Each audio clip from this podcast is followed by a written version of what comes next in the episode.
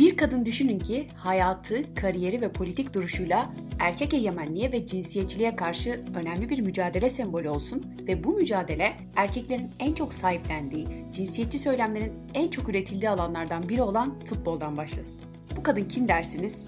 Kadın futbolunun altın ayaklı ve cesur karakterli ikonu Megan Rapinoe.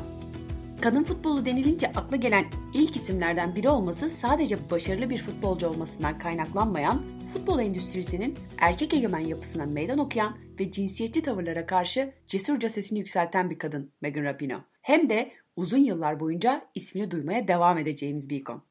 Toplumsal cinsiyet eşitliği dediğimiz zaman hayatın her alanında sürdürmek zorunda olduğumuz bir mücadeleden bahsediyoruz. Ve futbol bu mücadelenin en zor şekilde yürütüldüğü alanlardan sadece bir tanesi. Hazırsanız başlayalım. Kadın ve futbol kelimeleri yan yana geldiğinde tüyleri diken diken olup anında savunmaya geçenlere bölüm boyunca çok gol atacakmışız gibi hissediyorum. Megan Rapinoe 5 Temmuz 1985 tarihinde Amerika Birleşik Devletleri'nin Kaliforniya eyaletinde doğuyor. İtalyan ve İrlanda kökenli Rapinoe, abisi Brian'ı izledikçe ona özenerek 3 yaşında futbol oynamaya başlıyor. Liseye kadar babasının koşluk yaptığı takımlarda oynuyor. Orta saha ve kanat mevkilerinde oynayan Rapinoe 2002 yılında ilk takımı Elk Grove Pride'a gidiyor. Üniversite yıllarına kadar doğa ve spor ile oldukça iç içe büyüyor. 2004 yılında FIFA U19 Kadınlar Dünya Şampiyonası'nda oynuyor ve Amerika Birleşik Devletleri bu şampiyonayı üçüncü olarak tamamlıyor. Sonrasında kız kardeşiyle birlikte tam burslu olarak Portland Üniversitesi'ne giden ve 2005 yılından itibaren Portland Pilots takımında oynamaya başlayan Rapinoe, futbol kariyeri için ilk adımlarını burada atmaya başlıyor. Üniversitede aldığı sosyoloji ve siyaset bilimi eğitimi sayesinde dünya görüşü de yavaş yavaş şekillenmeye başlıyor. 2008 yılına kadar üniversite takımıyla birçok başarı elde eden Rapino, bu takımdaki kariyeri süresince 60 maçta 30 gol ve 28 asist gibi bir istatistiğe ulaşıyor. 2013 yılına kadar 6 farklı takımda kariyerine devam ediyor. Sadece Amerika Birleşik Devletleri'nde yer alan takımlarda değil, Avustralya ve Fransa'da da oynuyor. 2011 yılında Avustralya'nın önde gelen kadın futbol takımlarından Sydney FC'nin iki maçında misafir oyuncu olarak sahaya çıkıyor. 2013 yılında Fransa'nın Olimpik Lyon takımıyla 6 aylık sözleşme imzalıyor. UEFA Kadınlar Şampiyonlar Ligi'nin 2012-2013 sezonunun çeyrek finalinde Malmö takımına karşı oynayarak ilk Şampiyonlar Ligi maçına çıkıyor.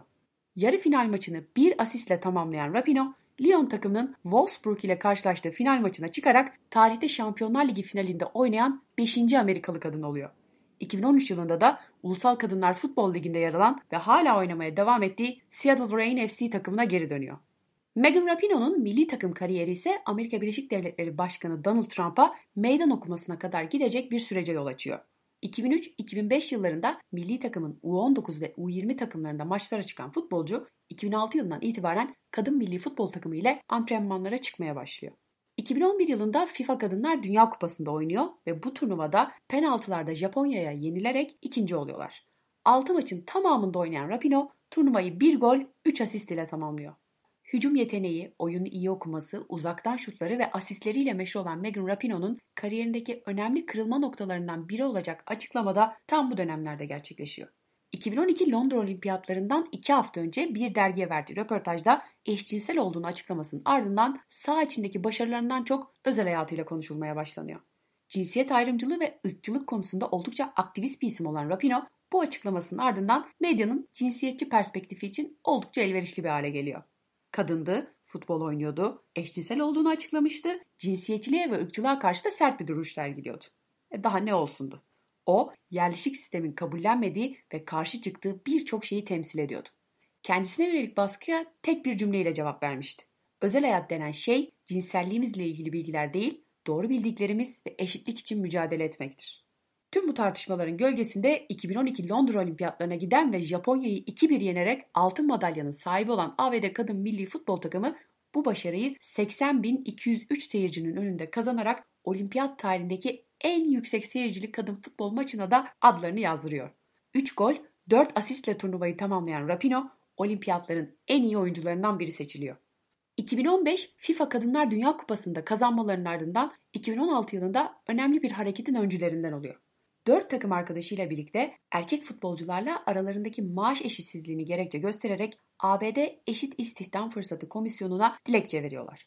Dilekçenin sebebi ise Futbol Federasyonu'nun verilerine göre 2015 Dünya Kupası'nı kazanan kadın futbolcuların erkeklerden 20 milyon dolar daha fazla gelir elde etmelerine rağmen elde ettikleri kazancın erkeklerinkinin dörtte biri kadar olması. Üstelik kadın futbolcuları harekete geçiren tek şey maaş eşitsizliği olmuyor.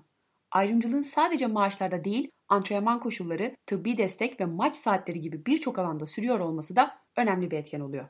Bu arada şu detayı da eklemek gerekir ki özellikle Amerika Birleşik Devletleri'nde futbolu erkeklerden çok kadınlar oynuyor ve erkek futbolcularla karşılaştırıldığında hem kendi ülkelerinde hem de dünya çapında daha popüler durumdalar. 2018 yılından itibaren milli takımın kaptanlığını yapmaya başlayan Rapinoe'nun öncülüğünde eşit ücret mücadelesi 2019 yılında daha da üst bir boyuta taşınıyor. ABD kadın milli futbol takımının 28 futbolcusu 2019 Kadınlar Dünya Kupası'ndan 3 ay önce 8 Mart Kadınlar Günü'ne denk gelecek şekilde Amerikan Futbol Federasyonu'na dava açıyor ve federasyonu cinsiyet ayrımcılığı yapmakla suçluyorlar. 2015-2019 döneminde daha çok karşılaşmaya çıktıklarını ve bu sebeple milli takımdaki maç başı ve toplam ücretlerinin erkeklerden fazla olması gerektiğini söyleyen kadın futbolcular eşit ücret yasası gereği federasyondan 66 milyon dolar tazminat talep ediyorlar. Dava Kaliforniya'daki Federal Bölge Mahkemesi tarafından reddediliyor. Fakat mahkeme seyahat ve antrenman gibi çalışma şartlarındaki eşitlik konusunda yargı sürecinin devamına ilişkin karar veriyor. Dönemin Amerika Birleşik Devletleri Başkanı Donald Trump'ın ücret eşitsizliği davasına ilişkin herhangi bir fikir beyan etmeyeceğini söylemesi üzerine takım kaptanı Megan Rapinoe sanırım artık bir daha asla milli marş okunduğu sırada elimi kalbime götürmeyeceğim. Eğer kupayı kazanırsak Beyaz Saray'a gitmeyeceğim diyerek cevap veriyor. Trump'ın bu söze cevabı ise konuşmadan önce kazanmalı, önce işi bitir oluyor. Rapinoe'yu Beyaz Saray ve ABD bayrağına saygısızlıkla suçluyor. Finalde Hollanda'yı 2-0 yenerek FIFA Kadınlar Dünya Kupası'nı ikinci kez kazanan Amerika Birleşik Devletleri Kadın Milli Futbol Takımının kaptanı Megan Rapinoe maçın oyuncusu seçiliyor.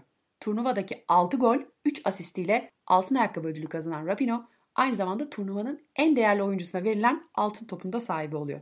Böylece tarihteki birçok mücadeleci kadın gibi gerekli yerlere cevabını en görkemli şekilde veriyor. Aynı yıl sezonun en iyi kadın futbolcusunu onurlandırmak için FIFA tarafından verilen Kadın Altın Top ödülünün de sahibi oluyor. Verdiği mücadeleyi en güzel şekilde anlatan sözlerden birisi de kendisine ait. Bu takımı izleyen her kız ve oğlan çocuğuna, bu takımda olmak isteyen ya da sadece hayalini gerçekleştirmek isteyenlere, sadece kız olduğun için daha azı değilsin. Sadece oğlan olduğun için daha fazlası değilsin. Bir de bu bölüm için hazırlanırken gelen güncel habere değineyim. ABD kadın milli futbol takımı çalışma şartlarındaki eşitsizlik şikayetiyle devam eden davalarını 2 Aralık 2020 itibariyle kazandılar. Kadın futbolcular erkek futbolcuların yararlandığı gibi sağlık hizmetlerinden, milli takımdaki doktor desteğinden, maç günü otel konaklamalarından ve doğal çim sahalardan faydalanabilecekler. İnanması güç ama üst üste iki kere dünya şampiyonu olmuş takıma bu zamana kadar suni çimde antrenman ve maç yaptırmışlar. Biraz daha inanması güç olan şey ise Türkiye'de bu tartışmalar bir yana hala kadından futbolcu mu olur sorusunun sorulduğu bir seviyede olmamız. Üstelik önemli bir kadın futbolu geçmişine sahip olmamıza rağmen. Ne yazık ki birçok kişi 1993'ten bu yana arada kesintiye uğrasa da devam etmekte olan kadın liglerinden habersiz. Ülkenin dört bir yanındaki kulüplerden habersiz. Özellikle Doğu ve Güneydoğu Anadolu bölgelerindeki kadın futbol takımlarının kız çocuklarının eğitimine ve yaşamlarına ne kadar önemli katkılarının olduğundan habersiz. Kadın futbolcuların gelir yetersizliği sebebiyle iki farklı işte çalışmak zorunda olduklarından habersiz. Neyse ki son yıllarda bu konuyla ilgili yavaş da olsa bir farkındalık oluşmaya başladı. Visa, Kotex, Vodafone gibi birçok önemli şirket hem maddi destek veriyorlar hem de kadın futbolunun bilinirliğini arttırmak adına birçok çalışmaya imza atıyorlar. Şu anda büyük kulüplerden sadece Beşiktaş'ın kadın futbol takımı olsa da diğer kulüplerde bu konuyla ilgili çalışmalarına başladılar. Fenerbahçe kulüp tarihinde bir ilki gerçekleştirerek kız futbol okulunu açtı.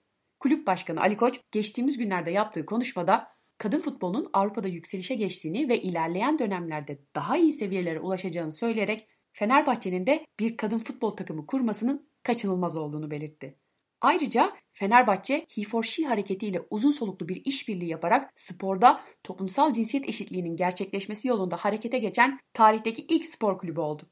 Formasının kol kısmında Birleşmiş Milletler Kadın Birimi tarafından yürütülen He for She hareketinin logosunu taşıyacağını duyuran Fenerbahçe'nin manifestosu da şöyle.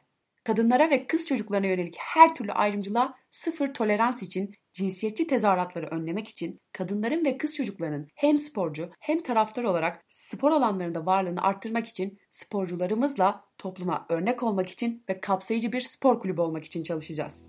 Evet, umuyorum ki çok kısa bir süre içerisinde kadın futboldan ne anlar, kadından futbolcu mu olur gibi sığ soruları ve milyonların izlediği spor kanalında futbol spikeri diye geçinip kadınlar futbolda olmamalı diyen kişilerin sözlerini tartışmak yerine kadınların hayallerini gerçekleştirebildiği, yeteneklerini ortaya koyabildikleri ve tüm eşitsizliklere meydan okuyabildikleri başarılarını konuşuruz.